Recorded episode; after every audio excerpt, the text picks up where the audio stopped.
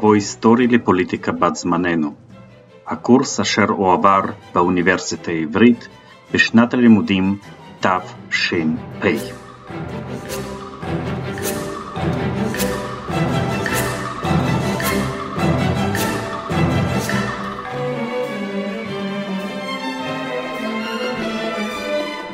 שלום, אני ממשיך לספר על העולם uh, התפתח אחרי מלחמת העולם השנייה.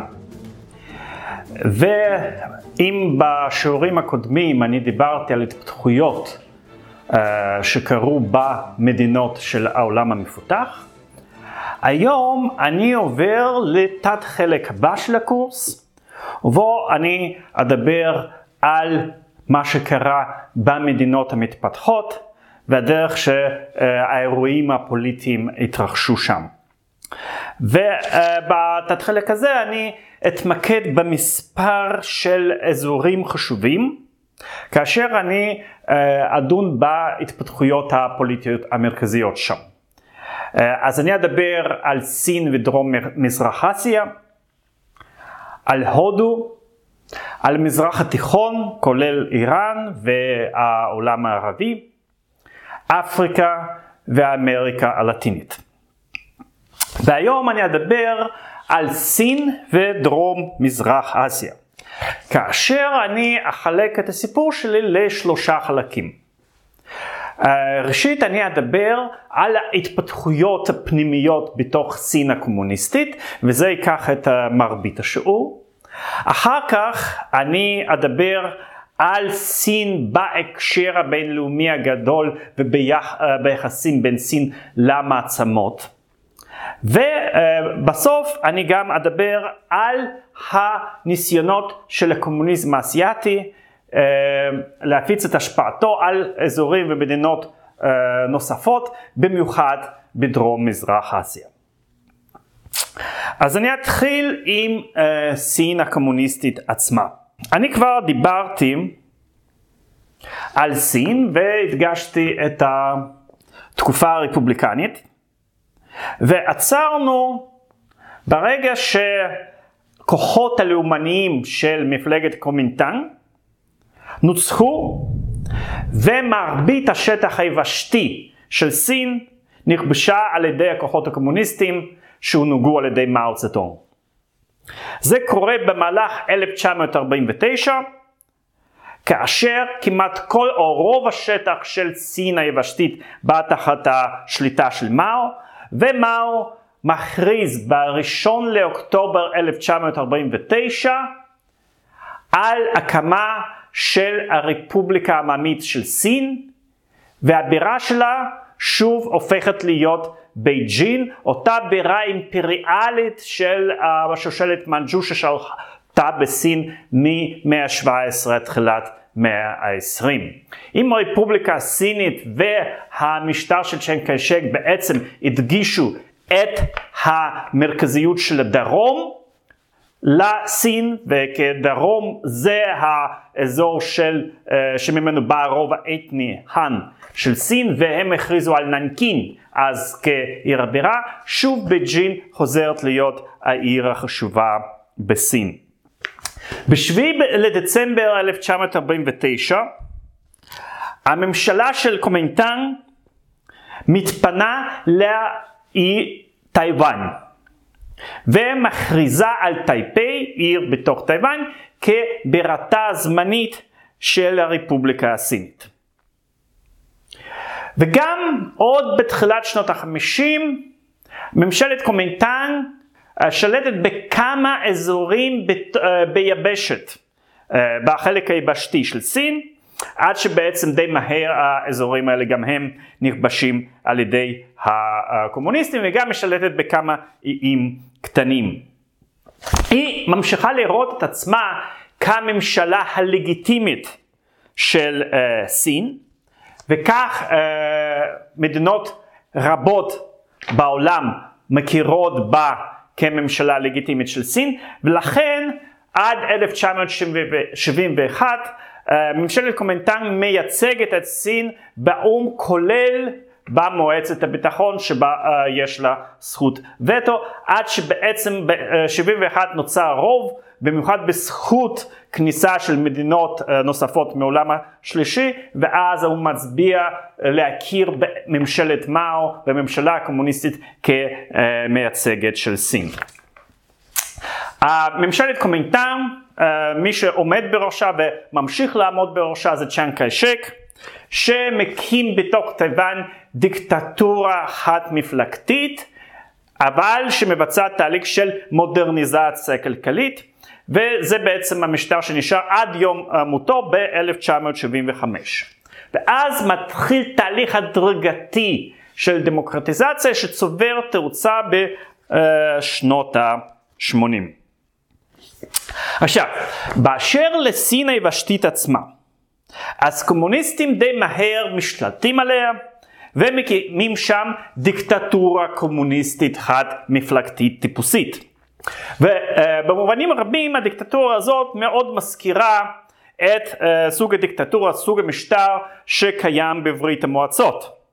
וכמובן שבשנים הראשונות לשליטתם הקומוניסטים הסינים הם נמצאים בברית מאוד אדוקה עם הקומוניסטים הסובייטים והם מקבלים עזרה צבאית, טכנולוגית ואידיאולוגית מברית המועצות.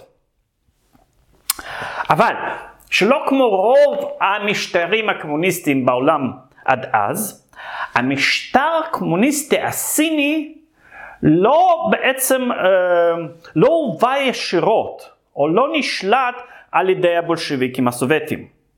בכל זאת, סין הייתה מדינה ענקית וחשובה, והיא לא יכלה להיות רק בובה של מדינה אחרת.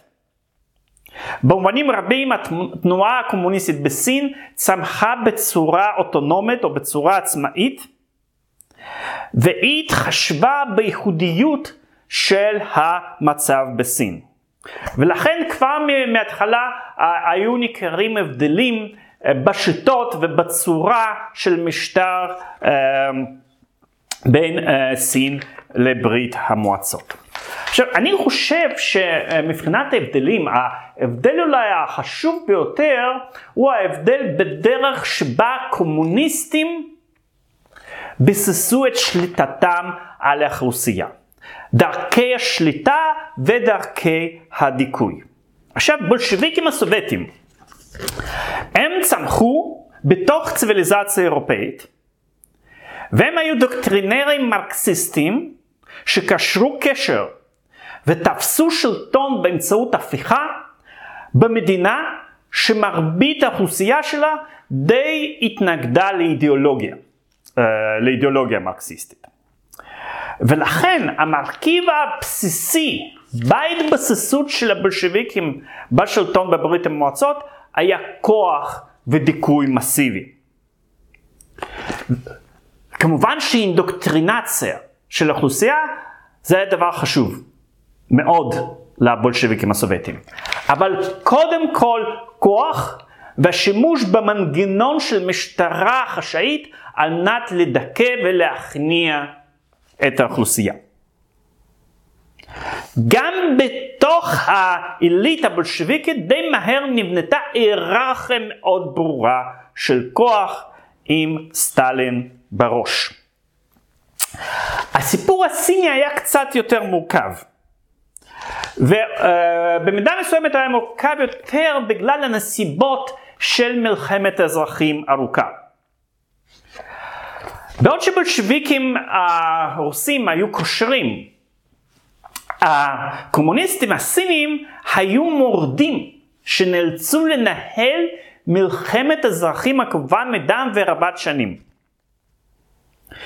ולכן הם היו צריכים למצוא דרך לזכות בתמיכה של אוכלוסיית האיכרים שמתוכה הם פעלו. אדרבה, הם היו צריכים גם לגייס תמיכה לפעולות uh, חתרניות או לפעולות uh, uh, מרדניות באזורים שהם לא שלטו במישרין. ולכן השיטות של השליטה אצל הקומוניסטים הסינים היו צריכים, צריכות להיות קצת יותר עדינות, והם כן הצליחו לפתח את השיטות האלה, גם בזכות הכישורים והדרך המיוחדת של מאו. והשיטות של שליטה שהם השתמשו בהן, כמובן אה, היה בהם גם מרכיב אה, של כוח ושל טרור אה, ושל דיכוי פיזי, אבל הם גם היו צריכים לשים הרבה יותר דגש על אינדוקטרינציה ועל שיטות של נידוי חברתי, ואפילו יותר נידוי חברתי מאשר אינדוקטרינציה. כי מה שהיה יותר חשוב זה לא הנכונות המופשטת של דוקטרינה, אלא יצירה של מצב שבו אתה מרגיש מחויב ללכת בתלם עם שאר החברה. מאו היה מסית המונים או ציבור נגד יחיד או יחידים מסוימים אה, שהוא רצה לחסל או להשפיל. והיחידים האלה, האנשים האלה, היו מובאים לתוך אספות המוניות, ושם עברו שעות וימים של השפ... השפלות, של ביוש, ולפעמים גם uh, אלימות פיזית. לפעמים, uh, לפעמים בסוף uh, אותה, אותם אירועים uh, הקורבן היה מוצא להורג, לפעמים הוא היה סתם נעצר, או לפעמים הוא היה צריך פשוט להודות בחטאים שלו ולהרגיש השפלה גדולה מאוד. זה היה, זו הייתה חוויה מאוד אכזרית, לפעמים גם מבחינה פיזית, אבל במיוחד מבחינה פסיכולוגית. אז באמצעי, בשיטות האלה שהקומוניזם הסיני אה, השתמש בהם, היה מקום מאוד מרכזי לביוש ולשיימינג. והשימוש אה, בשיטות האלה, אה, מה שאפשר אותו זה בעצם שמאו הרגיש בנוח עם ההמונים. הוא יצא מהמונים, הוא היה הרבה שנים מנהיג של תנועת מורדים, והוא ידע לשחק על הרגשות של הציבור הפשוט, הציבור הנבער, על מנת להפנות את האנרגיות שלו נגד uh, מי שהוא רצה uh, להתנכל לו. מה שבמובן תרבותי רחב יותר עזר ותיעל את הקומוניסטים לשיטות האלה, זה בעצם תרבות מושרשת של קונפורמיזם חברתי בחברה הסינית.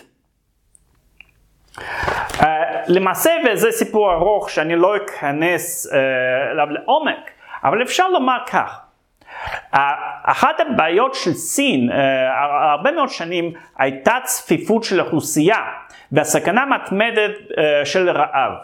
וכתוצאה uh, מכך, הדרך היחידה לקיים, לאנשים לקיים את עצמם, לאיכרים לקיים את עצמם, היה לתאם את העבודה שלהם בצורה מאוד מאוד נוקשה בתוך שטח מוגבל אה, של הכפר והשדות ששייכים לכפר. מכאן דגש מאוד חזק על שמירה על נורמות חברתיות ועל קונפורמיזם אה, חברתי אה, בתוך סין. גם צריך להוסיף לכך שה...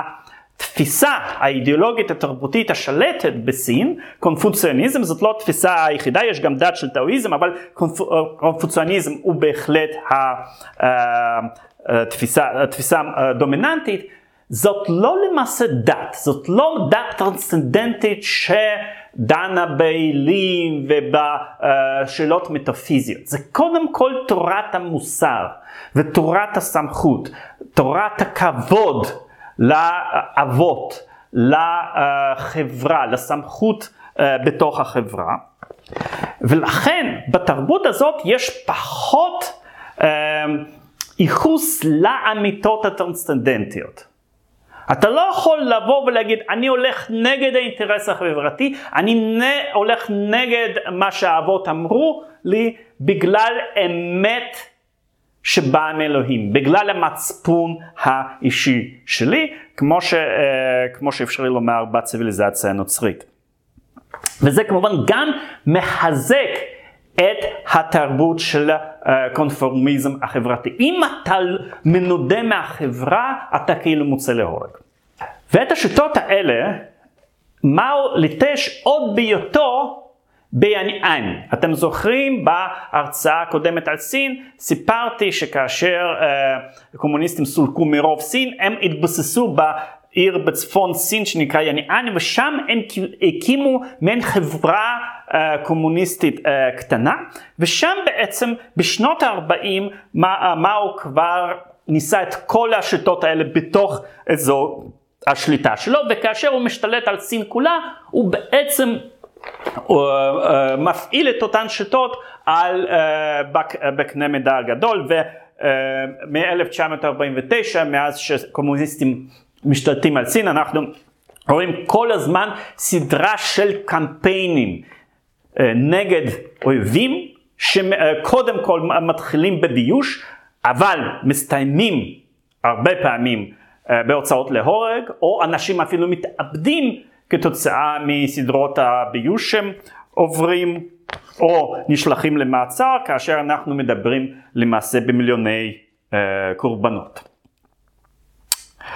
אז uh, זה ההבדל, אחד ההבדלים בין השיטות של הקומוניזם הסובייטי לשיטות uh, של הקומוניזם הסיני. עוד דבר אחד שהוא חשוב ושתהיה uh, לו השלכה על איך האירועים התפתחו, זה בעצם העובדה שההנהגה הסינית שכבשה את, ההנהגה הקומוניסטית שכבשה את סין ב-1949, היא הייתה uh, הנהגה די מלוכדת, שהקשרים האישיים uh, בתוכה uh, uh, הפכו לממש חזקים ולממש אינטימיים במהלך אותו אירוע של המסע הארוך בש, בשנות השלושים שסיפרתי עליו.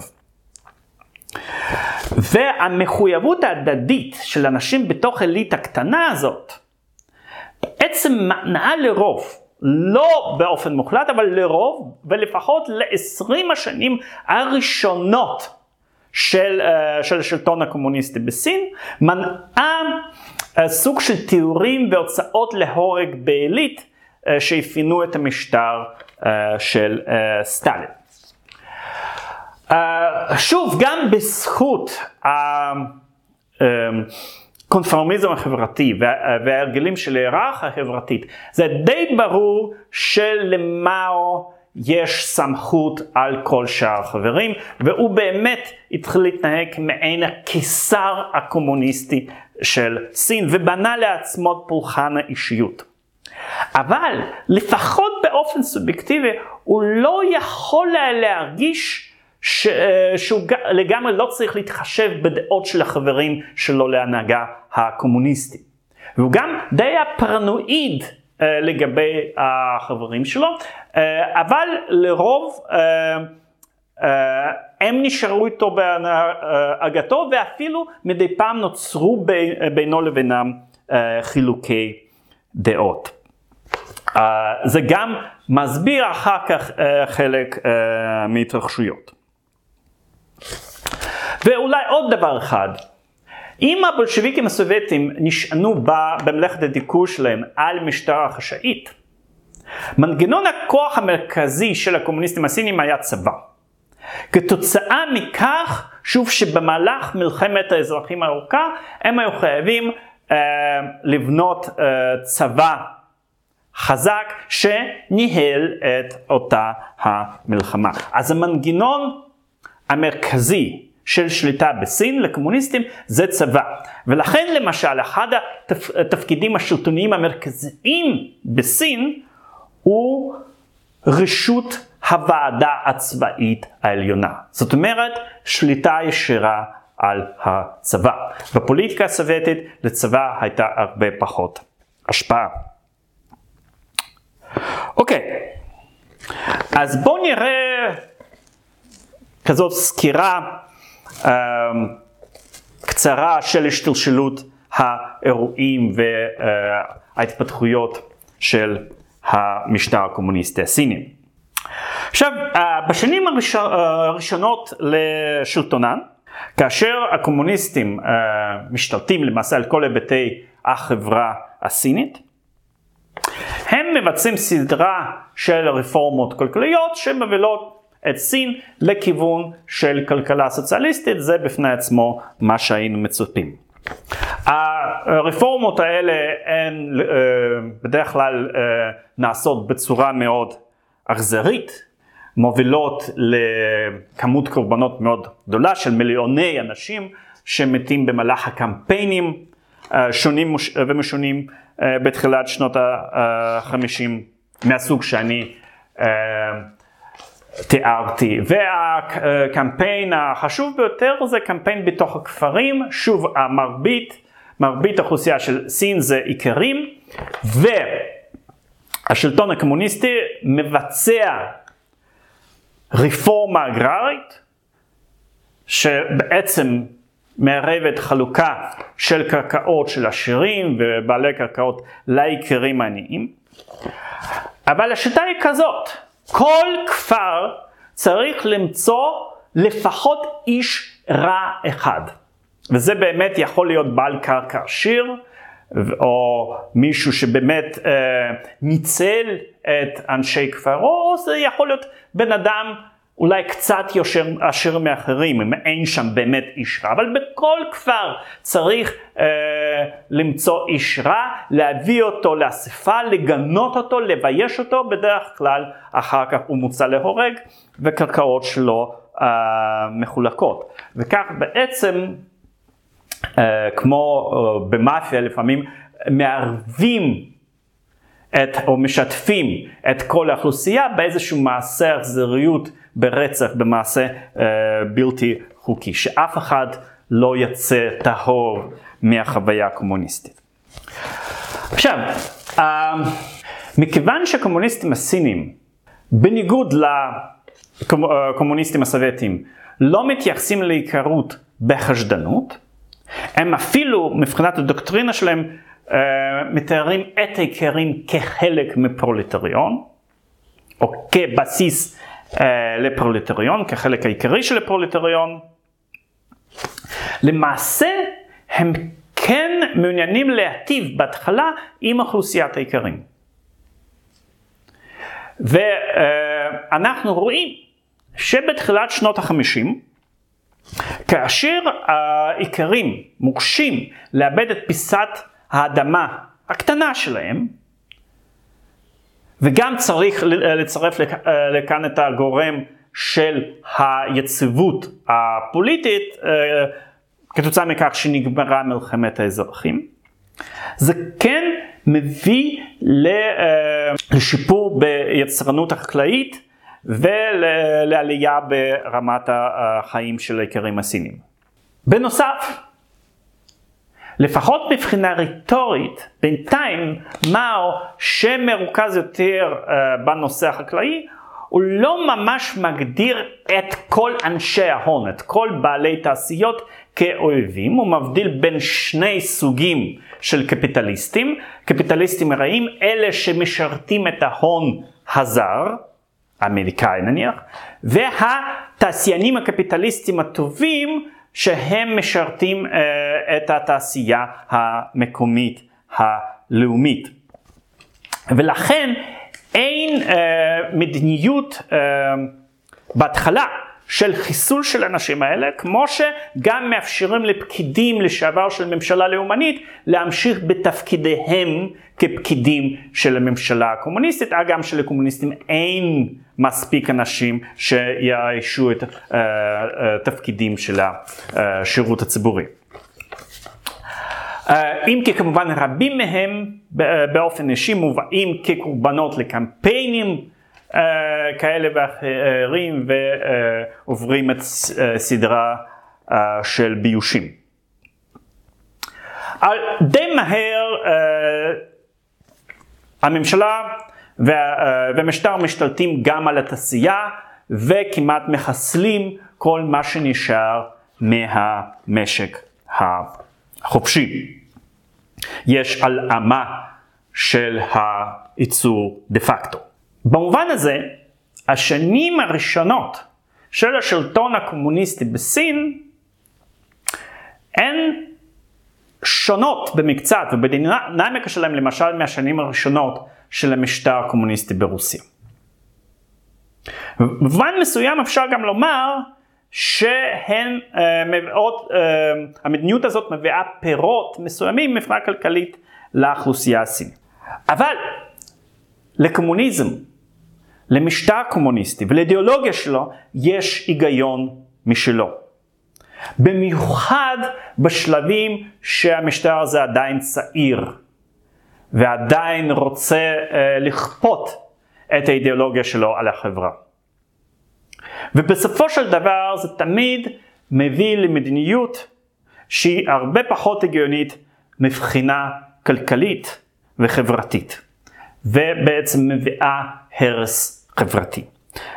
וזה מה שמתחיל אה, להתפתח מאמצע שנות החמישים. כאשר כבר באמצע שנות החמישים יש לחץ גובר על איכרים לעבור תהליך של קולקטיביזציה. כן? קולקטיביזציה זאת אומרת במקום לאבד פיסת קרקע פרטית להפוך לחלק מחווה קולקטיבית. והדחף הזה ליותר ויותר סוציאליזם כלכלי בסופו של דבר מדרדר די מהר לקמפיינים מחודשים של טרור וגם להרפתקנות כלכלית. וכאן אנחנו uh, מגיעים למחצית השנייה של שנות החמישים. בהתחלה הכל מתחיל כאילו נחמד.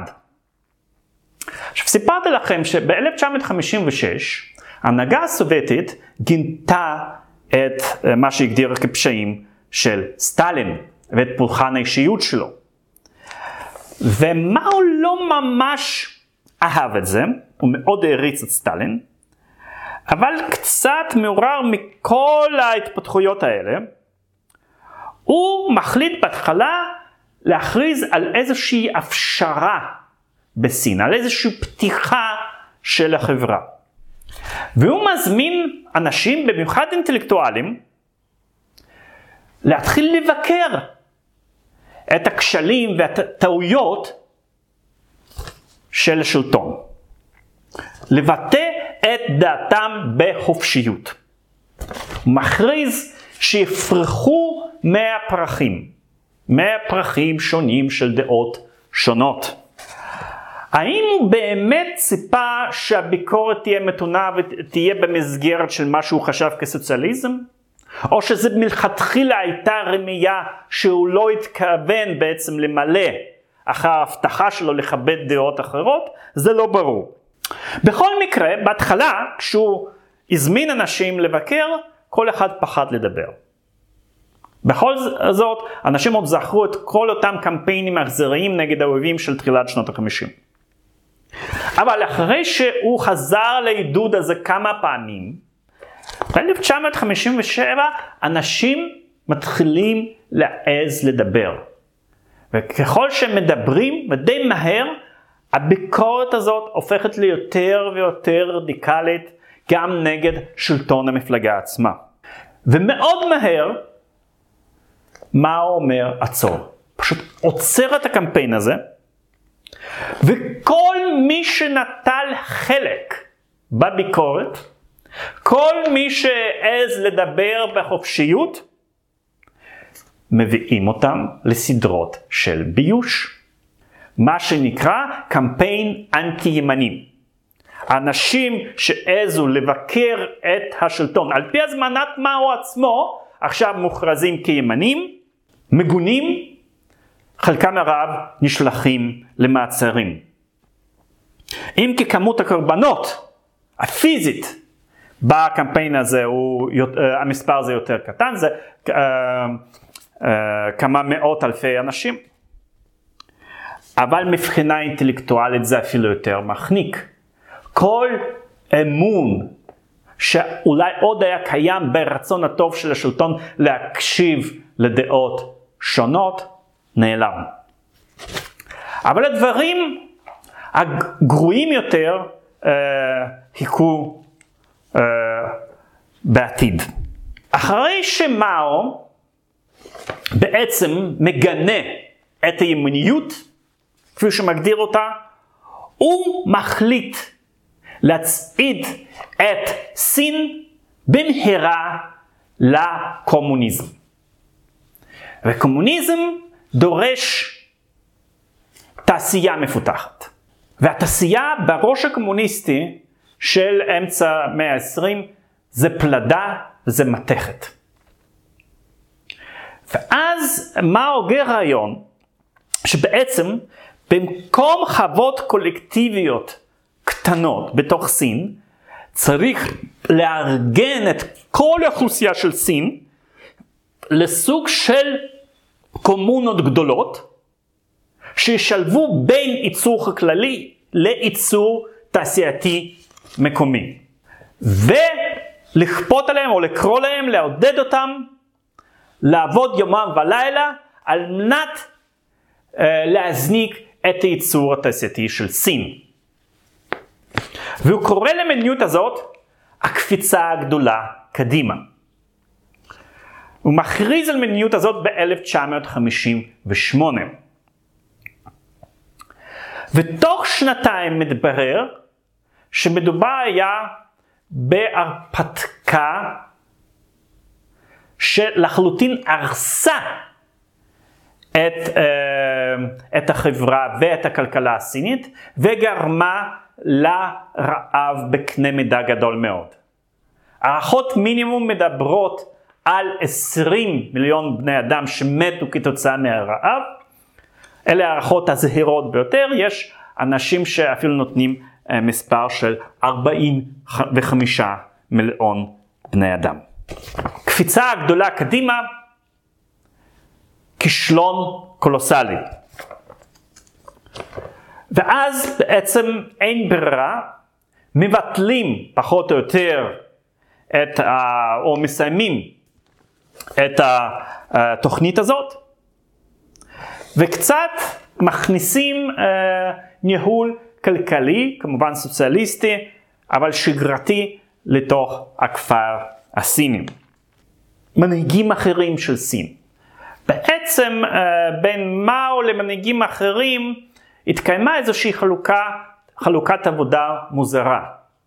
מאו היה הוגה איזשהו רעיון מהפכני, אידיאולוגי, דוחף לביצועו, ואחרי שהוא נכשל, מנהיגים אחרים היו מנקים אחריו באמצעות איזשהו uh, ניהול uh, טכנוקרטי. שני אנשים אה, שרלוונטיים בסיפור הזה, אלה שבתחילת שנות ה-60 קצת מנסים לייצב את הכלכלה של סין אחרי קפיצה גדולה קדימה, זה מזכיר כללי של המפלגה הקומוניסטית אה, ליו שאוצ'י, ובן אה, אדם בשם דנג שיאופינג. ובמצב כזה, מה הוא מתחיל להרגיש? שהמוניטין שלו התערער, המעמד שלו בתוך הנהגה התערער. שאולי חבריו לא מרגישים כלפיו את אותה הערצה עיוורת כמו שהם הרגישו פעם. ומה הוא גם פרנואיד במידה רבה. והוא מרגיש שהוא צריך שוב לבסס את מעמדו כמנהיג הבלתי מעורער של המהפכה, וגם בדרך לחסל את כל מי שהוא חושד שהוא לא מספיק uh, מעריץ אותו או מכבד אותו. והוא בוחר בשיטה מאוד מוזרה עבור העולם הקומוניסטי. והשיטה הזאת אומרת לרתום בני נוער כדי שאלה יהרסו את מוסדות המפלגה הקיימים ויצעידו את המהפכה קדימה. ואנחנו מגיעים לאירוע שידוע בהיסטוריה כמהפכת תרבות. אז מה גרם למאו להתחיל את מהפכת התרבות? אני אסכם את זה כאולי שילוב של שתי סיבות אפשריות. סיבה אחת היא סיבה פרגמטית, וסיבה שנייה היא סיבה אידיאולוגית. אוקיי, אז לסיבה פרגמטית אני קצת התייחסתי, זה ירידה במוניטין של מאו, שהוא צריך איכשהו להחזיר את מעמדו. וכבר בתחילת שנות ה-60 הוא מתחיל בסדרה של טיהורים בתוך המפלגה הקומוניסטית עצמה. אבל טיהורים ברמה המקומית עדיין לא מספקים אותה. כי מי שרוצה בעצם לסלק זה אנשים שנמצאים ב, אה, בראש המפלגה. עכשיו, הסיבה האידיאולוגית יכולה להיות כזאת. מאו, מבחינת המודעות העצמית שלו, ראה את עצמו כסוג של מרדן. מהפכן שאוהב אקשן, אוהב פעלתנות. ושני דברים הדאיגו אותו במיוחד בסין של תחילת שנות ה-60. דבר ראשון, הוא היה מאוד מודאג מזה שקומוניזם מאבד את הדחף המהפכני שלו. שהוא עובר תהליך של ביורוקרטיזציה והוא יוצר עילית מושחתת מתוך עצמו. הוא סלד מהגינוי של סטלין בברית המועצות, והוא האמין שהסיבה לכך זה בדיוק ביורוקרטיזציה והפיכת ברית המועצות או משטר של ברית המועצות למשטר טכנוקרטי שגרתי. כשהמשטר הזה איבד את היסוד המהפכני שלו. בגד במהפכנות של הקומוניזם. והוא חשב שאולי גם בסין ישנם ניצנים של התפתחות כזאת.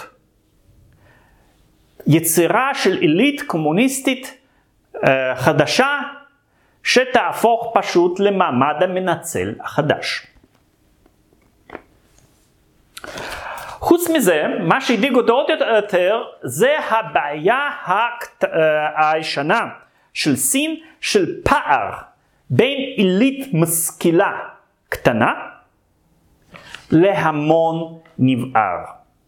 אחת המטרות של שלטון הקומוניסטי היה בעצם להביא לסגירת הפער בין המשכילים לנבערים על ידי כך שנותנים מצד אחד יותר ניידות השכלתית לאוכלוסייה, מצד שני בעצם מסלקים את העילית ההומניסטית הישנה.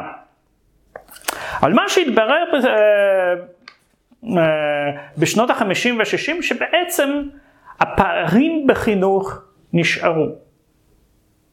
שבעצם האנשים שבאו ממשפחות משכילות המשיכו להצטיין ולקבל חינוך חדש. וזה שוב מצטרף לאותה דאגה לגבי זה שבסין הקומוניסטית שוב תוצרת איזושהי אליטה. אפילו אם זאת אליטה יותר טכנוקרטית ולא אליטה הומניסטית כמו בסין האימפריאלית. אז מה הפתרון? הפתרון הוא להסיט את בני הנוער ולהפנות את האנרגיות שלהם להרס של העילית הקיימת, גם אם היא העילית של המפלגה הקומוניסטית.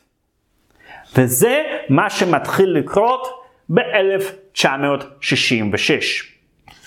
אני כאן לא אכנס לפרטים uh, של, uh, של מהפכת התרבות, מי שרוצה לשמוע קצת יותר פרטים יכול לשמוע את ההרצאה שלי על uh, סין במסגרת של הקורס שלי על הטרור האדום וכל ההרצאות שם נמצאות גם ביוטיוב. אז אני אגיד רק בקצרה את הדברים העיקריים. עכשיו, היסוד האנושי, הכוח האנושי uh, מאחורי מהפכת התרבות היו סטודנטים או תלמידי בית ספר שגויסו באמצעות אינדוקטרינציה ובאמצעות עצרות ענק, על ידי מנהיגות, להתארגן לתוך קבוצות שנקראו השומר האדום או השומרים האדומים, ולתקוף את הסמלים של התרבות הישנה, של החינוך ושל מרכזי הכוח. עכשיו, במובן מסוים, השיטה הזאת היא אולי שיא של המדיניות הטוטליטרית והראש הטוטליטרי. כי אחד הדברים שמאפיין את התנועות הטוטליטריות הוא שהן מאוד אוהבות להשתמש לצורכיהן באנרגיות ובכוח של בני נוער. הן אוהבות לעשות מניפולציות על בני נוער. ובני נוער הם בדרך כלל חומר נוח מאוד, חומר גלם נוח מאוד לפרויקטים טוטליטריים. וזה מש, אה, משתי תכונות שיש לבן אדם צעיר שהוא עדיין ילד. מצד אחד, נטייה לאמץ עמדות קיצוניות, אי הכרה או אי כבוד לעמדות ביניים, לעמדות פשרניות, ומצד שני לאנשים צעירים בדרך כלל אין אה, יכולת מפותחת של אמפתיה, של הזדהות עם הרגשות של האחר. והשילוב הזה של תפיסות קיצוניות ושל אה, אמפתיה מאפשר להפנות את האנרגיות של אנשים צעירים לכיוונים מאוד אכזריים. גדודי בני נוער זה בדרך כלל מכונה מאוד אכזרית. והגדודים האלה, השומרים אדומים, קודם כל מתחילים לתקוף את המורים הזקנים, המבוגרים, את אנשי אינטליגנציה וגם את פריטי התרבות הסינית הקלאסית. הם מארגנים סדרות של ביושים נגד אנשי אינטליגנציה, נגד אנשי ההוראה, משפילים אותם, מסלקים אותם מהערים, לפעמים גם רוצחים אותם. עכשיו, בשלב הזה, הפעילות הזאת מופנית גם נגד המוסדות הפוליטיים. כפי הסיסמה של מאו, הוא פונה לצעירים ואומר להם, צריך לירות על המטות. מי הם המטות? הם סניפי מפלגה שבהם יש הרבה מאוד אה, אויבים או אנשים עם ההרגלים הישנים שצריך לחסל אותם ולהצעיד את המהפכה קדימה.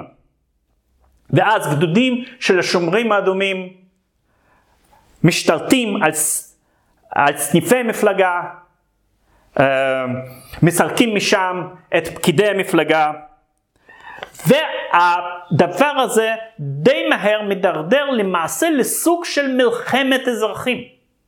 כי האליטות באזורים, אה, ברמה המקומית, מנסות להתגונן. ומה הדרך להתגונן בתוך משטר שיש לו נוקשות אידיאולוגית וכולם צריכים באופן מוצהר להזדהות עם הקו המפלגתי? כולם מקימים את גדודים של שומרים האדומים משלהם. ואז אנחנו מדי פעם רואים גם uh, מקרים של מאבקים וקרבות בין uh, גד, uh, שומרים אדומים ששייכים uh, לסיעות שונות. עכשיו, כאשר מהפכת תרבות מתחילה ב-1966, רוב ההנהגה, או כל ההנהגה של המפלגה, בעצם הולכת uh, בעקבות מאו, כי כך הם רגילים לעשות ברגע שהוא יוזם משהו. מבלי להבין בהתחלה שבעצם זה מכוון נגדם. כעבור שנה הם כבר מבינים את זה, כאשר למעשה uh, יש uh, uh, טרור נגד בכירי מפלגה והם נשלחים למחנות עבודה כמו מזכיר המפלגה, מזכ"ל המפלגה, לושה ארצי, שמת לאחר מכן, וגם אה, איש שמינו דן סיופין, שהוא אה, נשלח למצע עבודה, אבל שורד ואחר כך מוחזר להנהגת המפל... המפלגה. עכשיו, הכאוס שנוצר בעקבות כל האנדרלמוסיה הזאת והמאבקים בין השומרים האדומים וההרס של, אה, של מוסדות שלטון וההרס של אה, פרטי תרבות מביא בסופו של דבר להחלטה להשליט סדר. ועל מי מטילים את המטלה להשליט סדר? על הצבא הסיני. ואז צבא סיני משליט סדר, טובח בשומרים האדומים, כאשר בעצם כמות הקורבנות מהטבח של צבא בשומרים האדומים היא הרבה יותר גבוהה מאשר כמות הקורבנות של השומרים האדומים עצמם. פעילי השומרים האדומים עכשיו הם מסולקים לכפרים, לחינוך מחדש, לעבוד כמו איכרים פשוטים. ומכיוון שמוסדות המפלגה, הסניפים המקומיים למעשה נהרסו במהלך אה, מהפכת תרבות, מי שבעצם משתלט על מוסדות המפלגה המקומיים, מי שבעצם צריך לאייש אותם זה קציני הצבא האדום. למעשה בעקבות מלחמת התרבות, סין הופכת לדיקטטורה מפלגתית צבאית. צבא הוא הכוח היחיד שעכשיו למעשה מנהל אה, את העניינים ברחבי סין. ב-1969 מאו מכריז על סיום של מהפכת התרבות, אם כי בסופו של דבר אה, המצב נמשך וניסיונות לחדש את הרוח של מהפכת התרבות, התרבות על ידי אה, מקורביו של מאו נמשכים עד מותו, עד 1976. אוקיי, לקראת תחילת uh, שנות ה-70, מאו כבר בן אדם חולה מאוד, ובמהלך השנים האלה כבר מתחילה, uh, uh, מתחיל הקרב על הירושה. מי שהיה אמור להחליף את מאו, זה בן אדם שבעצם מאו מקדם משנות ה-60 ושמשחק uh, תפקיד מרכזי במהפכת התרבות, זה המרשל, המפקד הצבאי בשם לין דאו. ואז קורה משהו מוזר. או שלין באו מתכנן הפיכה נגד מאו, או שהוא מואשם בזה שהוא מתכנן הפיכה. כך או אחרת, הוא מנסה לברוח בטיסה לברית המועצות ב-1971 עם אשתו. והמטוס הזה כנראה יורט, ולנבאו נהרג. סיפור מוזר שאנחנו עדיין לא אה, לא יודעים לגמרי מה קרה שם. על הרקע הזה גם מתקיים גל חדש של טיהורים ושל טרור בתוך המפלגה. אחרי מותו של אמבאו, בעצם בהנהגה של המפלגה נוצרות שתי סיעות. אלה שרוצים לדחוף הלאה להמשיך את מהפכת התרבות, להמשיך את הטרור המהפכני, אה, והם אה, קבוצת אנשי שמאל, אם אפשר להגדיר אותם כך, בראשות אשתו של מאו זדון, שקוראים לו ג'אנטין. ומצד שני, רפורמיסטים הפרגמטיים שרוצים קצת שקט וקצת ניהול אחראי של כלכלה. ובמיוחד אה, מי שהדמות החשובה שם זה דן צ'אופי שחוזר ממחנה העבודה ומוחזר להנהגת המפלגה. מאו כמעט כבר לא משתתף בגלל זה שהוא חולה, הוא כמעט לא משתתף בניהול שוטף של המדינה, מי שמתווך בין שני הצדדים האלה, הצד יותר מתון רפורמיסטי והצד השמאלי, זה uh, שותף לדרך ארוך שנים של מאו, ראש ממשלה מאז 49, ג'ו אין ליי. אז הוא כך מתווך, הוא מנסה uh, לשמור על אחדות של ההנהגה. אבל ב-1976, שני האנשים האלה, ג'ו לי ומאו, מתים. ג'ו לי מת בינואר 1976, ומאו מת בספטמבר 1976. ובהתחלה נראה שידם של אנשי השמאל, אנשי מהפכת התרבות בסין, היא על העליונה.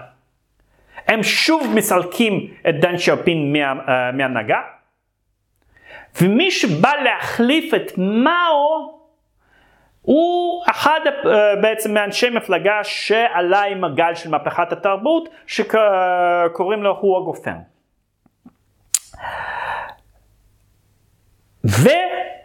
ובהתחלה נראה שאנשי השמאל ואלמנתו של מאו יהיו אלה שינהיגו את uh, סין. אבל האירועים מתפתחים אחרת. וכבר באוקטובר 1976, אלמנתו של מאו ושלושת מקורביהם מהנהגת המפלגה נעצרים. והם מוכרזים כנותנים להם כינוי כנופיית הארבעה, כנופיית ארבעת האנשים. שזממו נגד המפלגה ונגד סוציאליזם ונגד כל הדברים הטובים. אה, זה לפעמים מעניין השימוש הציורי הזה בשפה הפוליטית אה, של הקומוניזם האסייתי, כן? אה, כנופיית הארבעה. ובמערב כל כך התאהבו בשפה הציורית הזאת, שאת הנוסחה הזאת, Gang of Four, מדי פעם משתמשים בה כדי לתאר כל מיני התארגנויות פוליטיות ב... אה, במדינות הדמוקרטיות. למשל פעם אה, הייתה התארגנות של כמה דמוקרטים ורפובליקנים אה, בתוך הסנאט של ארה"ב, אז התקשורת קראה לזה The Gang of Eight, כנופיית השמונה. אז זה בא משם, כנופיית הארבעה זה כינוי שנתנו לאשתו לאשתו של מאו צדון ולשלושת אנשים אחרים שבעצם עצרו אותם ושמו אותם לכלא אחר, אחרי מותו של מאו. אבל הוא הגופן שבעצם הוא מנהיג של סין אז, הוא לא מצליח ממש להתבסס בשלטון.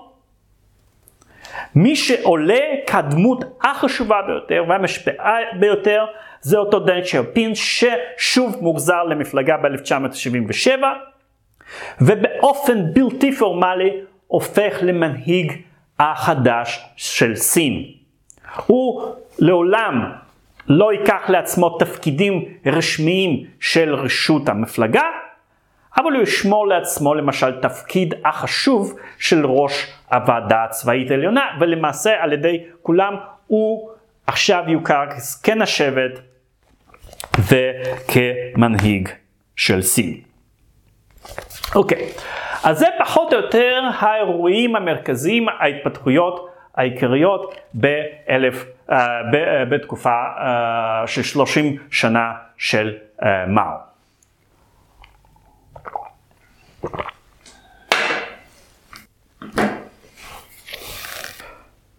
אוקיי, okay. אז עכשיו כמה מילים על סין במסגרת המערכת הבינלאומית וקודם כל יחסיה עם המעצמות הגדולות. ברית המועצות וארצות הברית. אה, סין היא כמובן מדינה גדולה, ולכן כל מה שקורה פנימה בסין, יש, יש לכך גם השלכות מאוד חשובות על המערכת הבינלאומית. וכאשר קומוניסטים עלו לשלטון בסין, אה, זה נתפס ובצדק כניצחון חשוב מאוד לגוש הקומוניסטי שהובל אז על ידי ברית המועצות. וכמובן שסין הפכה בהתחלה לבעלת ברית חשובה מאוד של ברית המועצות ותקיים שיתוף פעולה הדוק ביניהן התעמולה הסובייטית היללה את הידידות ואת החווה בין ברית המועצות לסין, אפילו הם הלחינו את השיר אה, מפורסם מאוד בברית המועצות, אה, אה, שדיבר על מוסקבה בייג'ין ועל כך שהרוסי והסיני הם אחים לנצח. אבל החל מסוף שנות החמישים היחסים בין שתי מדינות הידרדרו. בהתחלה שתיהן ניסו אה, להסתיר את חילוקי הדעות ביניהם, אבל אחר כך בעצם אה, הסכסוך הזה והאיבה הזאת אה, נחשפו לעיני כולם, ושתי מדינות התחילו לבקר את עצמן ולקלל את עצמן במילים הכי קשות אה, והאשימו אחת את השנייה בבגידה בסוציאליזם. ולא רק שהם התרחקו אחת מהשנייה, אלא המצב הגיע לכך שלקראת uh, סוף שנות ה-60 שתי מדינות האלה היו על סף מלחמה כוללת ביניהן. Uh, היו לא מעט סיבות uh, מדוע uh, נוצר הקרע הזה.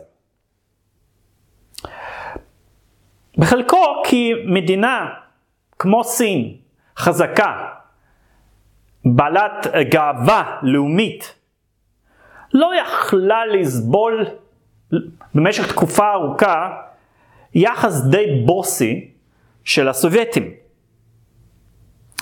בחלקו כי ברית המועצות וסין היו ב... מצאו את עצמן בשני שלבים שונים של ההיסטוריה של הקומוניזם המהפכני. הקומוניזם בסין רק ניצח.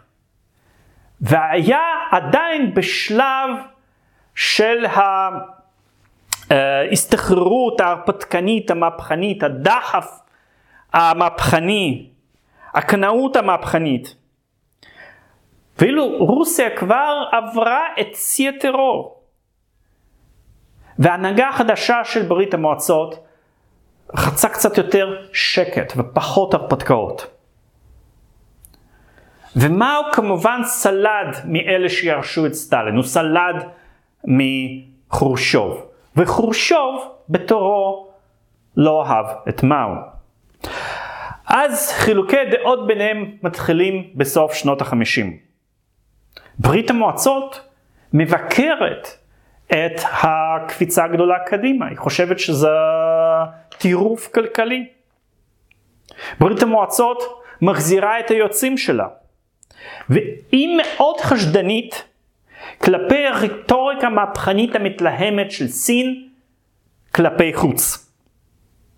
כי סין ומאו ממשיכים לדבר על מלחמת המועמדות, הם מדברים על אפשרות של מלחמת עולם אה, שלישית וגם על אפשרות של ניצחון במלחמה גרעינית.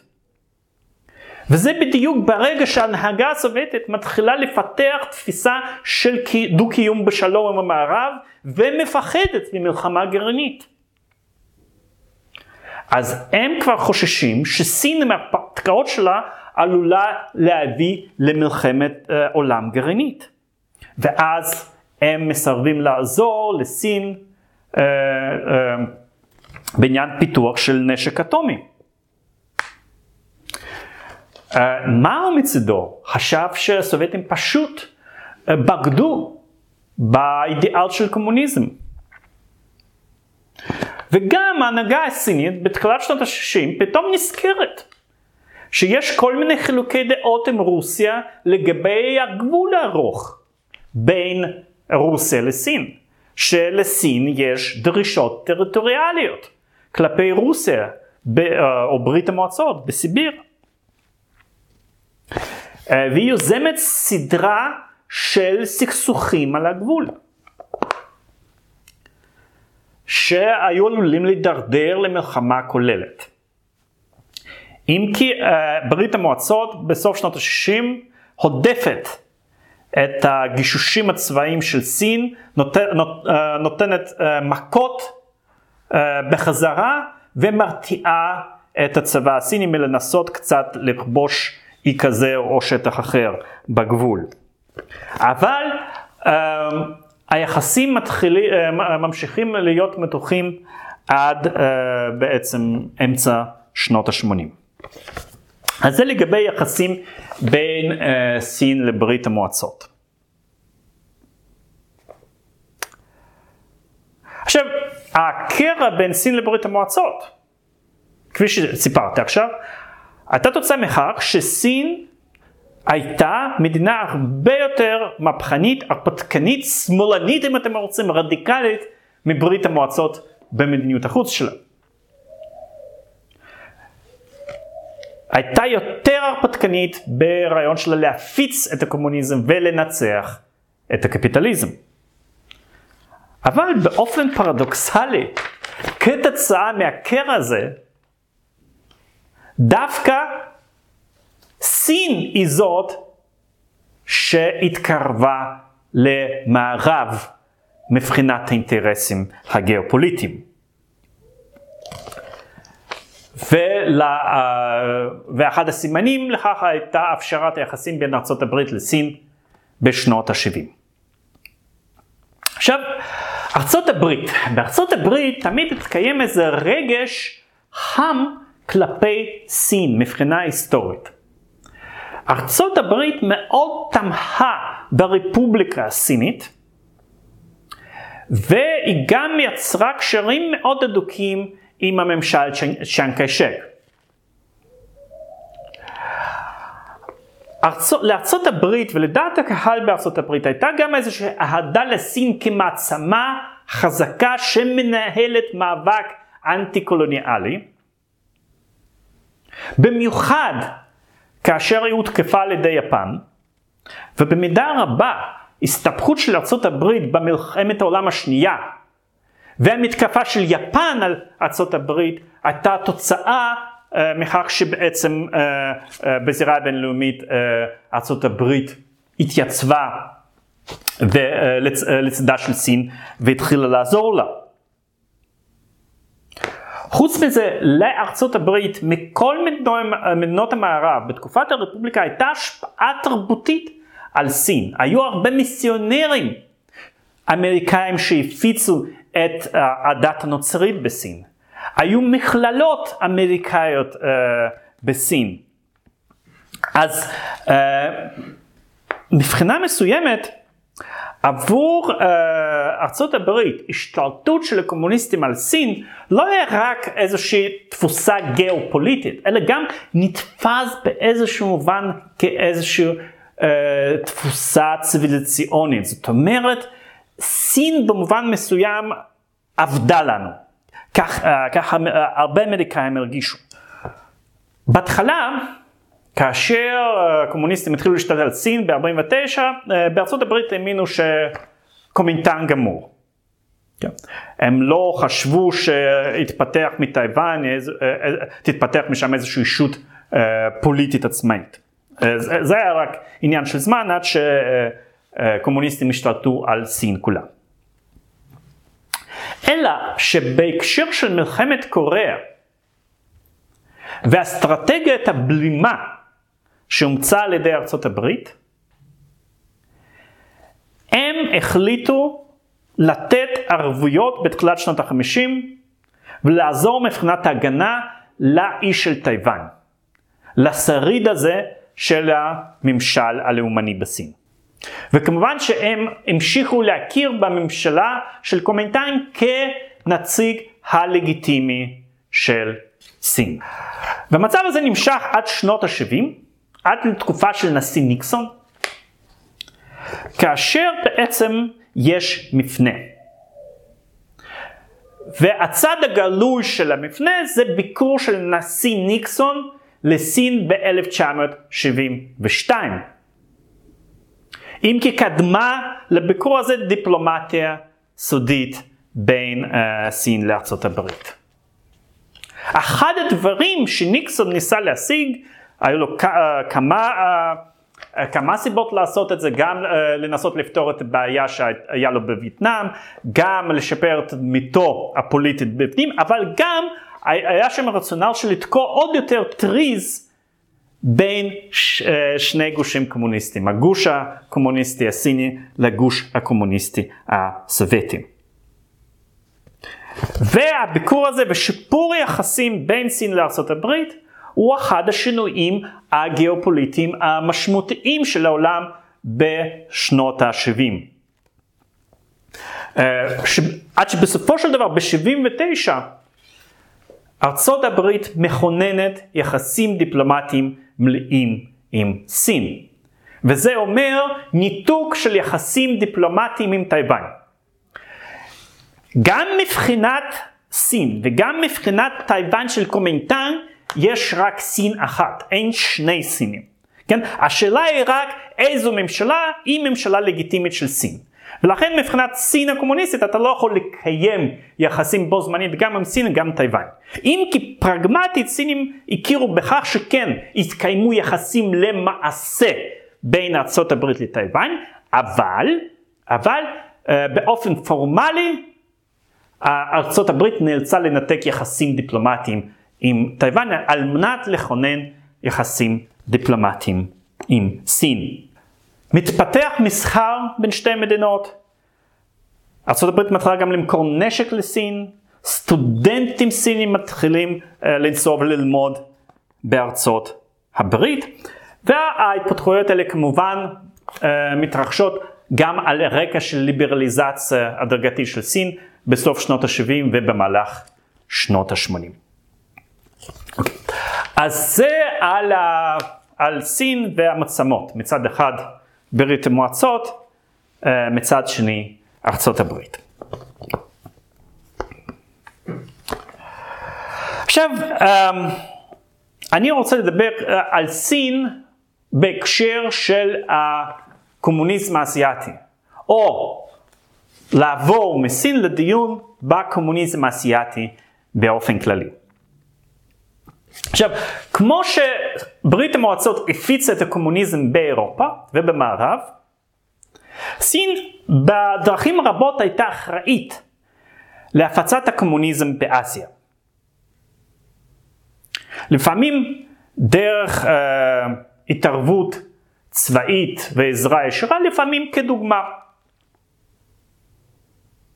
ובשביל קומוניסטים רבים באסיה, הדגם העיקרי שלהם היה סין. כי נחשב, היא נחשבה הרבה יותר רלוונטית מאשר uh, ברית המועצות. או דגם הסיני נחשב יותר רלוונטי מאשר הדגם הסובייטי.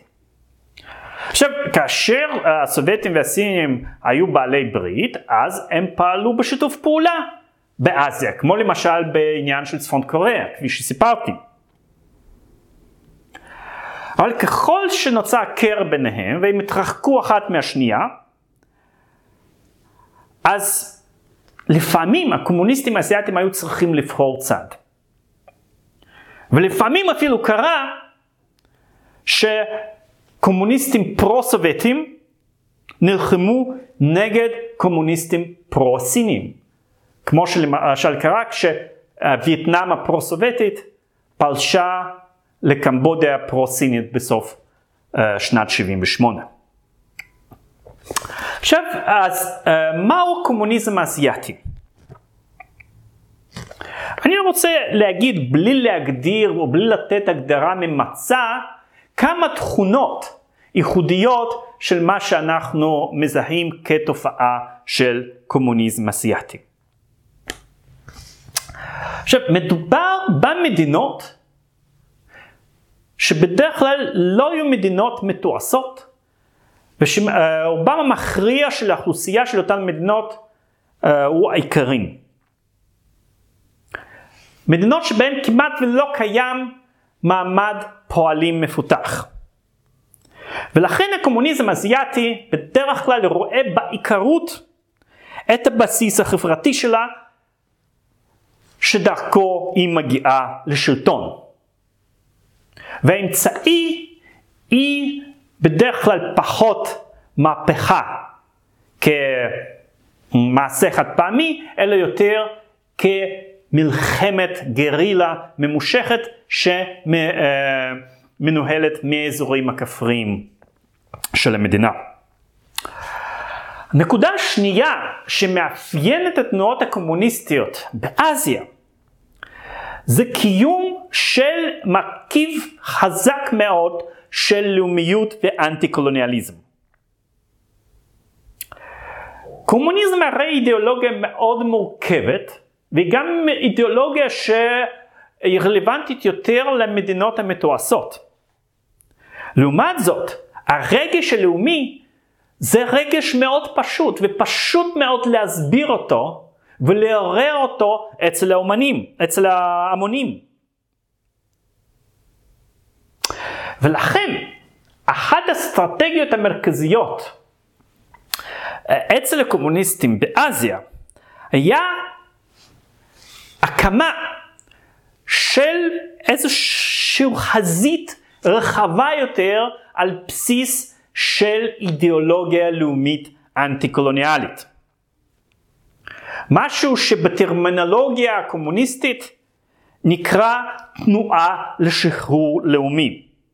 כמובן שבתוך אותה תנועה הקומוניסטים כגרעין מרכזי יהיו הכינור הראשי.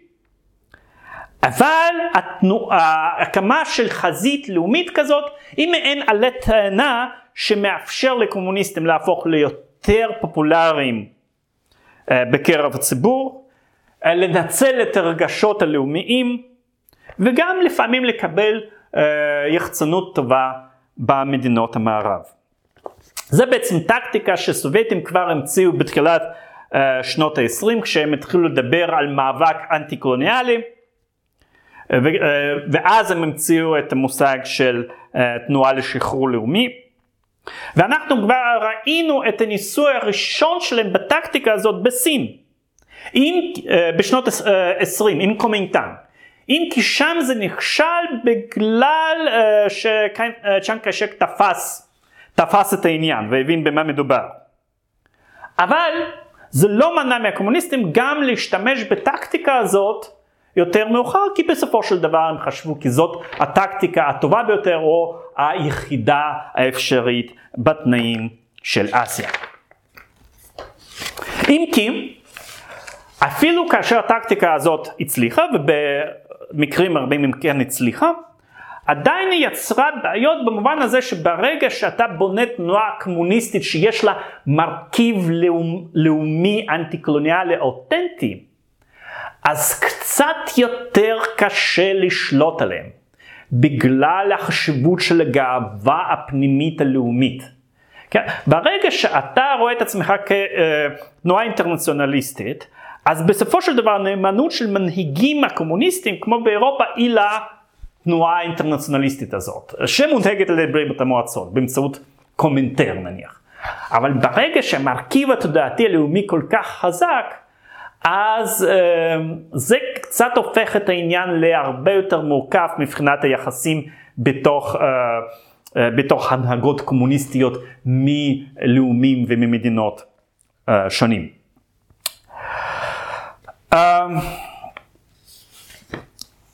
ואני רוצה להתמקד היום באזור אחד שבו הקומוניזם האסייתי ניהל מאבק אה, די ארוך ובסופו של דבר מוצלח.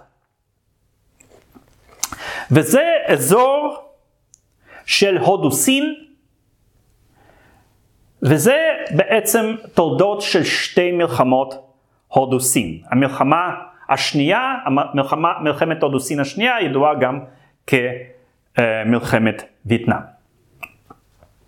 עכשיו, מה זה הודו סין? הודו סין קודם כל זה מושג גיאוגרפי, והכוונה היא לחצי האי בדרום מזרח אסיה, שדרומה מסין ומזרחה מהודו. בתוך האזור הגיאוגרפי הזה התקיימה מושבה צרפתית שהייתה ידועה כהודו סין הצרפתי אה, והיא התפרסה על שטח של אה, שלוש מדינות היום, וייטנאם, לאוס וקמבוג'ה. זאת אומרת כשמדברים על מלחמות הודו-סין, אה, מדברים על מלחמות בשטח של הודו-סין הצרפתית, זאת אומרת השטח של וייטנאם, לאוס וקמבודיה היום. אה, אתם יכולים לראות אה, את השטח הזה ואת שלוש המדינות האלה במפה אצלכם במצגת. עכשיו, אז מהן מלחמות הודו-סין?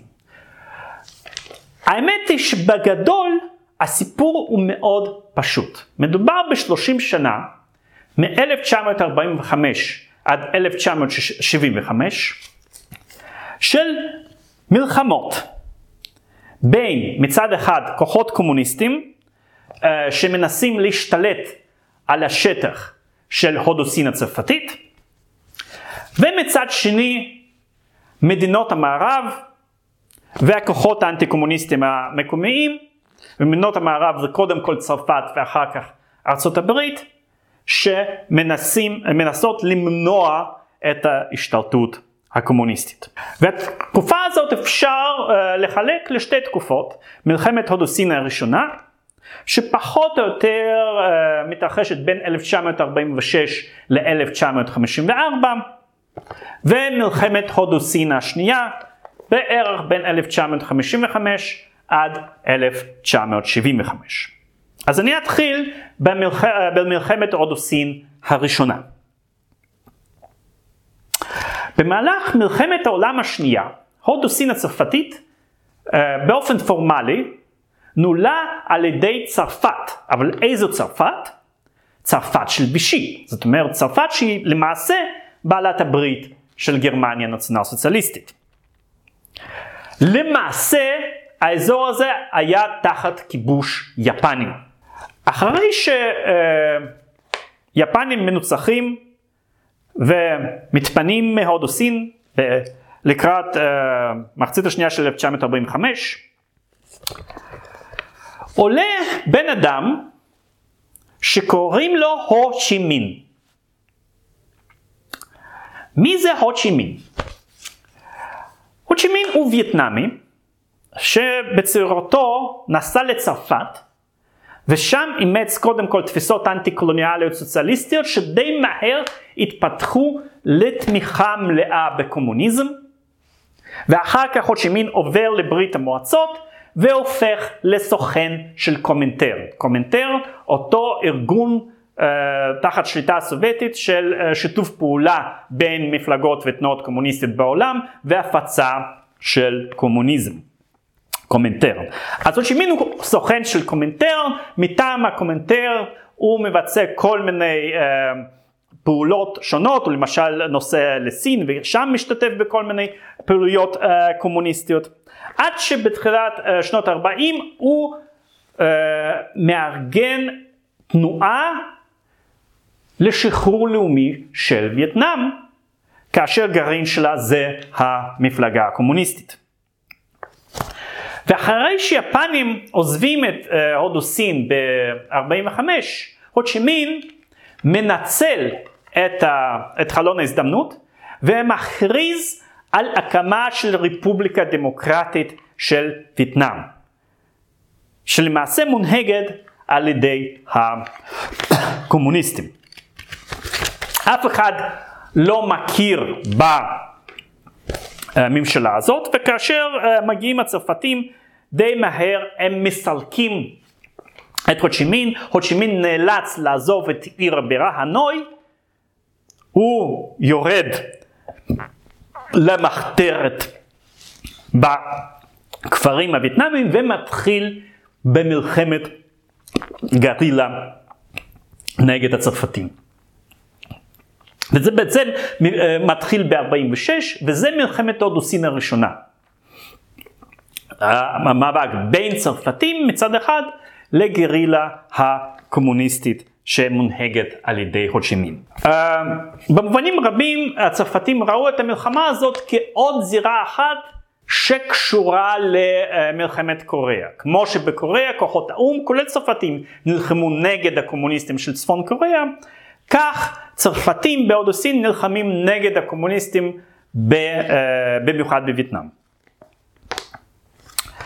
אבל המאבק הזה של צרפתים לא כל כך מוצלח, הם לא מצליחים אה, לנצח את כוחות הגרילה, ואז בסופו של דבר הם מחליטים להסתלק מהודו סינה, גם שהמלחמה הזאת הופכת לפחות ולפחות פופולרית בתוך צרפת עצמה. ואז ב-1953 הם מעניקים עצמאות לקמבודיה וללאוס, ושם מוקמים משטרים לא קומוניסטיים. והם מביאים את עניין של סיום המלחמה בתוך וייטנאם לוועידה בז'נבה ב-1954, ועידה בין מעצמות שאמורה לפתור גם את בעיה של קוריאה, להגיע להסדר סופי לגבי מה יקרה בקוריאה, אבל גם מה, מה, מה יקרה בווייטנאם. וההסכם שמושג ב-1954 בז'נבה אומר בעצם שווייטנאם תחולק לשני אזורים, האזור הצפוני בשליטה של קומוניסטים וחודשימין, והאזור של דרום, ששם יהיו כל אלה שלא רוצים לחיות תחת שלטון הקומוניסטי, וגם יש איזשהו חלון זמן שבו אנשים יכולים לעבור מצד אחד לצד שני. למשל, הרבה אנשים מהמיעוט הקתולי בווייטנאם שחיו בצפון אבל לא היו מוכנים אה, לחיות תחת שלטון הקומוניסטי עברו לדרום. והחלוקה היא בקו הרוחב 17. בין צפון וייטנאם שנקרא הרפובליקה הדמוקרטית של וייטנאם ודרום אה, וייטנאם ש, אה, אה, שנקראת רפובליקה של וייטנאם. נקבע שבהמשך יתקיימו בחירות חופשיות בשטח של כל וייטנאם. אלא שבין מצמות נוצר ויכוח איך לארגן הבחירות. מצמות המערב וארצות הברית דרשו פיקוח של האו"ם, ברית המועצות ובעלות בריתה כמובן סירבו, בסופו של דבר זה לא יצא לפועל. מה שנוצר זה שתי מדינות, מדינה קומוניסטית של הושימין בצפון, עם כל המאפיינים של דיקטטורה קומוניסטית, גם טרור, גם תיאורים, ומדינה חצי דמוקרטית, חצי אוטוריטרית, בתקופות שונות, אה, לא ממש אה, חזקה ומתפקדת בדרום. ברגע שצרפתים מסתלקים מהודו סין, בעצם מי שמחליף אותם כערב לביטחון אותן אזורים שהם לא תחת שליטה הקומוניסטית היא ארצות הברית. עכשיו לצפון וייטנאם הקומוניסטית אין כוונה להסתפק בשטח הזה ודי מהר הם מתחילים לעודד מאבק קומוניסטי גם בדרום וייטנאם. בהתחלה באמצעות עדות של גרילות מקומיות ובהמשך לקראת שנות ה-60 ממש באמצעות התערבות צבאית ישירה ושליחה של יחידות צבא של צפון וייטנאם, וצפון וייטנאם נתמכת על ידי ברית המועצות וגם סין, לתוך דרום וייטנאם. Uh, לממשל דרום וייטנאם אין הרבה כוח להתנגד לפלישות האלה ולתוקפנות הזאת, ובעצם ארצות הברית נגררת לעזרה יותר ויותר מסיבית לדרום, לדרום וייטנאם. אה, בהתחלה באמצעות יועצים ועזרה לוגיסטית וצבאית, אחר כך פשוט על ידי שליטה, אה, שליחה של גדודי צבא אמריקאים, עד שבעצם התערבות של אה, צבא אמריקאי בדרום וייטנאם, השתתפות וניסיון להילחם נגד צפון וייטנאם, הופך, הופכת לגלויה למעשה מאמצע שנות ה-60 אה, אה, בתקופה אה, של נשיא ג'ונסון. עכשיו, ההשתתפות של ארה"ב במלחמת הודו סין הזאת ועזרתה לדרום וייטנאם נבעו מאותו היגיון של הבלימה שכבר נוסע במלחמת קוריאה בתחילת שנות החמישים.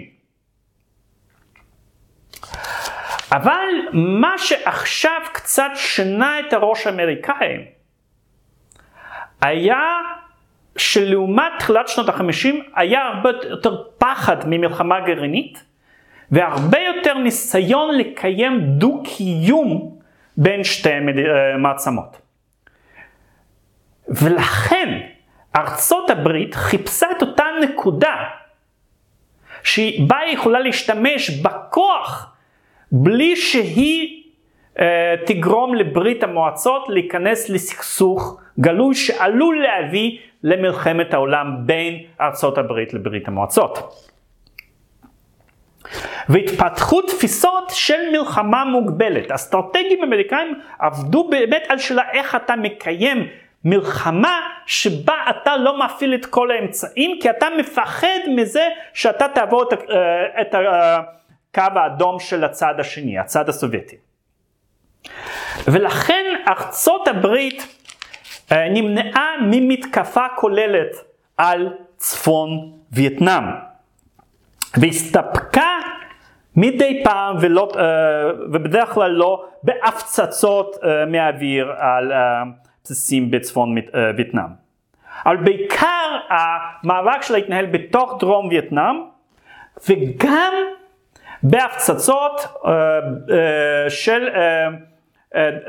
נתיבי אספקה ובסיסים של הבורדים גם בשתי מדינות האחרות שנוצרו uh, מתוך הודו סין, זאת אומרת לאוס וקמבודיה. כי גם בתוך לאוס ובתוך קמבודיה צפון וייטנאם הקימה בסיסים ועזרה למורדים הקומוניסטים. אז אה, במובן, במובן הצבאי, האסטרטגיה הזאת יחסית עבדה, זאת אומרת, ארה"ב כן הצליחה להגן על המשטר בדרום וייטנאם, אבל האסטרטגיה הזאת לא הביאה ולא יכלה כל כך להביא להכרעה במאבק כל עוד צפון וייטנאם הייתה נחושה להמשיך במלחמה המוגבלת הזאת. וככל שהמלחמה הזאת גבתה קורבנות רבים יותר בקרב חיילי ארצות הברית, גברה גם תנועה נגד המלחמה בארצות הברית. שהקורבן הפוליטי הראשון שלה היה נשיא ג'ונסון שהחליט לא להתמודד ב-1968 אה, לנשיאות. מי שנבחר במקומו היה ריצ'רד ניקסון. ריצ'רד ניקסון כמובן היה גם אנטי קומוניסט והיה נחוש להמשיך במעורבות של ארה"ב בווייטנאם ובהגנה על דרום וייטנאם. אבל בקונסטלציה הפוליטית ההיא הוא לא היה מוכן להסתכן בקורבנות אמריקאים רבים מדי.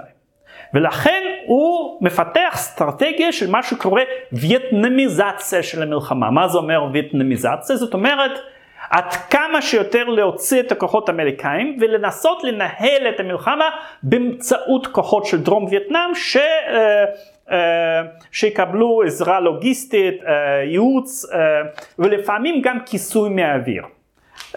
ניקסון מרחיב את ההפצצות מהאוויר על מנת גם פחות להתערב, לערב את כוחות הקרקע בלחימה מה שקורה ב, לאסטרטגיה כזאת, אה, אה, כאשר נמנעים ולא רוצים להשתמש בכוחות קרקע ומסתמכים על הפצצות מהאוויר, אנחנו גם יודעים לא רע מתוצאות של מלחמת הלבנון השנייה. אוקיי. Okay, um,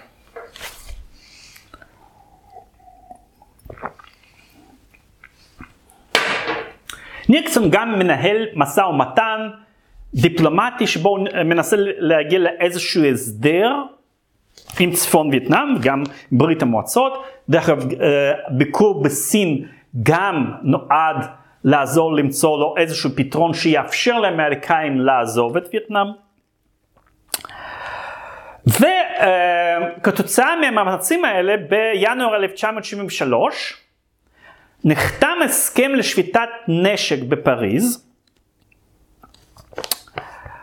אה, שהתנאים שלו הם אה, די ל... אה, לרעת ארצות הברית. זאת אומרת, ארצות הברית מתחייבת להוציא את כוחותיה מווייטנאם. מצד שני, מתוך תנאי הפסקת האש, כוחות צפון וייטנאם מורשים להישאר באזורים שהם כבר כבשו. ועדיין יש כאילו הבטחה של uh, הפסקת הלחימה.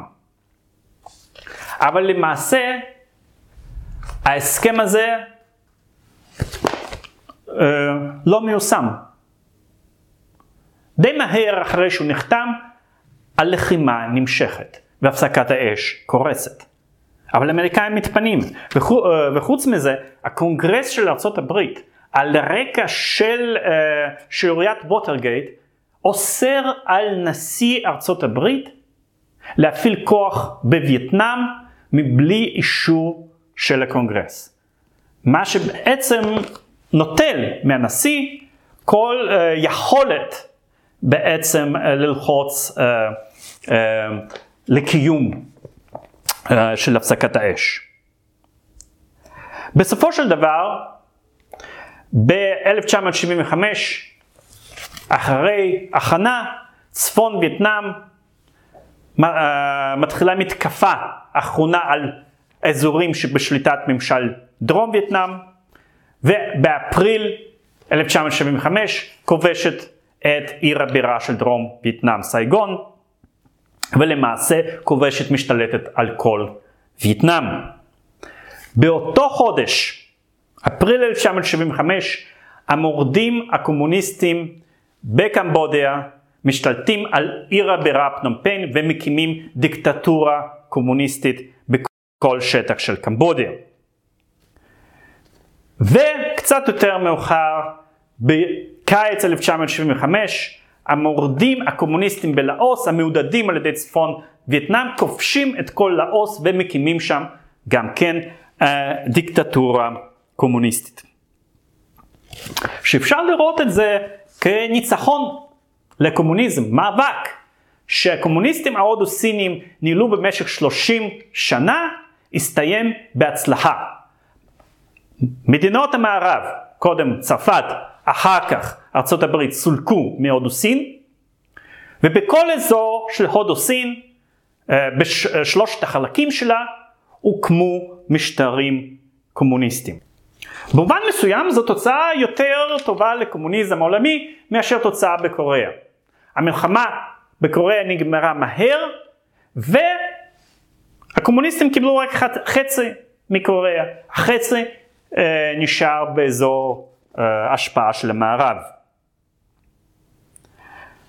לעומת זאת, במשך 30 שנה קומוניסטים בהודו סין הקיזו הרבה דם מאויביהם, ובסופו של דבר כבשו את השטח כולו. אם כי אולי בדיעבד התמונה נראית אחרת. כי לכך שהדברים האלה נמשכו 30 שנה, ולקח 30 שנה ארוכות לקומוניסטים להשתלט על שלוש המדינות האלה, משהו השתנה בעולם. קודם כל התפוגג הדחף המהפכני של קומוניזם. ההנהגה הקומוניסטית הישנה הייתה מתה, גם חוצ'ימין מת ב-1969. סין וברית המועצות, שני, שתיהן היו בשלב של דטנט מול ארצות הברית. ונוצר גם קרע בתוך קומוניזם עצמו. הקומוניסטים הקמבודים היו לאומנים קמבודים, לאומנים חמרים, ששנאו וייטנאמים. והם הפכו לבעלי אה, ברית של סינים, וניסו ב-78 אפילו לעשות משהו שאפשר להגדיר אותו כרצח עם של המיעוט הווייטנאמי בתוך קמבודיה. בתגובה לזה, וייטנאם הפרו-סובייטית פולשת לקמבודיה בסוף 78 ותחילת 79 ומפילה את הקומוניסטים הקמבודים, מקימה את משטר הקומוניסטים החלופי משלה. בתגובה לכך, סין פולשת לצפון וייטנאם ויוזמת שם איזשהו סכסוך גבול. אם הניצחון בשנות ה-40 היה יכול לשמש ולתת לקומוניסטים בסיס להתפשטות לאזורים נוספים באסיה, הניצחון באמצע שנות ה-70 היווה אולי שיר הברבור או ניצחון פירוס של קומוניזם. הוא סימל דווקא את החולשות הפנימיות של הקומוניזם ולא את ההתפשטות שלו הלאה. אוקיי, ודבר אחרון, והסיפור האחרון שאני רוצה קצת אה, לומר כמה מילים עליו, זה סיפור של אינדונזיה. מדינה גדולה, חשובה, שגם שם קומוניזם כמעט ניצח, אבל כמעט. אינדונזיה הייתה מושבה אה, הולנדית, שבמהלך מלחמת העולם השנייה היא הייתה תחת כיבוש יפני. בעקבות התבוסה של יפן, המנהיגים אנטי קולוניאליים באינדונזיה מכריזים על עצמאות. המנהיג של תנועה אנטי קולוניאלית הוא בן אדם בשם סוקרנו, שהופך לנשיא של אינדונזיה, נבחר בבחירות, אבל כמו שקורה להרבה מנהיגים בעולם השלישי, אה, כמה שנים לאחר העצמאות הוא בעצם אה, נע לכיוון יותר אוטוריטרי. וגם מאמץ מדיניות חוץ אנטי אמריקאית ויותר פרו-סובייטית. הוא נשען על כמה מוקדי כוח, שאחד מהם הוא צבא אינדונזי, שני זה גם ציבור אסלאמיסטי, אבל שלישי וחשוב זה תנועה קומוניסטית חזקה, מפלגה קומוניסטית אינדונזית, שהוא אחד מעמודי התווך של שלטון של סוכרנו. שוב, אנחנו רואים את אותה, את אותה אסטרטגיה של קומוניסטים ל, אה, אה, להשתלב בתוך תנועה לאומית אנטי קולוניאלית. ובסופו של דבר להשתלט עליה. וזה מה שהקומוניסטים מנסים לעשות כנראה ב-1965. Uh, קציני צבא שמזוהים עם התנועה הקומוניסטית מנסים לבצע הפיכה ב-1 לאוקטובר 1965 כאשר הם חוטפים ורוצחים שישה גנרלים בכירים בצבא האינדונזי. אלא שהם לא מצליחים לחסל את כולם וההפיכה נכשלת, הצבא מדכא את ההפיכה ובעקבות זה במשך כמה חודשים ברחבי אינדונזיה מתרחש טבח בקומוניסטים ותומכיהם. אינדונזיה הופכת למעשה לדיקטטורה צבאית ומי שדה פקטו עולה לשלטון באינדונזיה ומ-67 הופך לנשיאה הוא גנרל בשם סוהרטו. שמקים דיקטטורה uh, אוטוריטרית באינדונזיה, uh, עם אלמנטים של חברה חופשית, אבל uh, תחת uh, דיכוי ושליטה uh, צבאית מאוד משמעותיים. והוא גם קצת משנה את מדיניות החוץ של אינדונזיה. אם סוכרנו משאיר את אינדונזיה ניטרלית, אבל נע לכיוון ברית המועצות, סוהרטו שגם משאיר את אינדונזיה ניטרלית, דה פקטו מקרב את, ה, את אינדונזיה לגוש האמריקאי. אז להיום סיימנו, נמשיך אה, בשיעור הבא. תודה.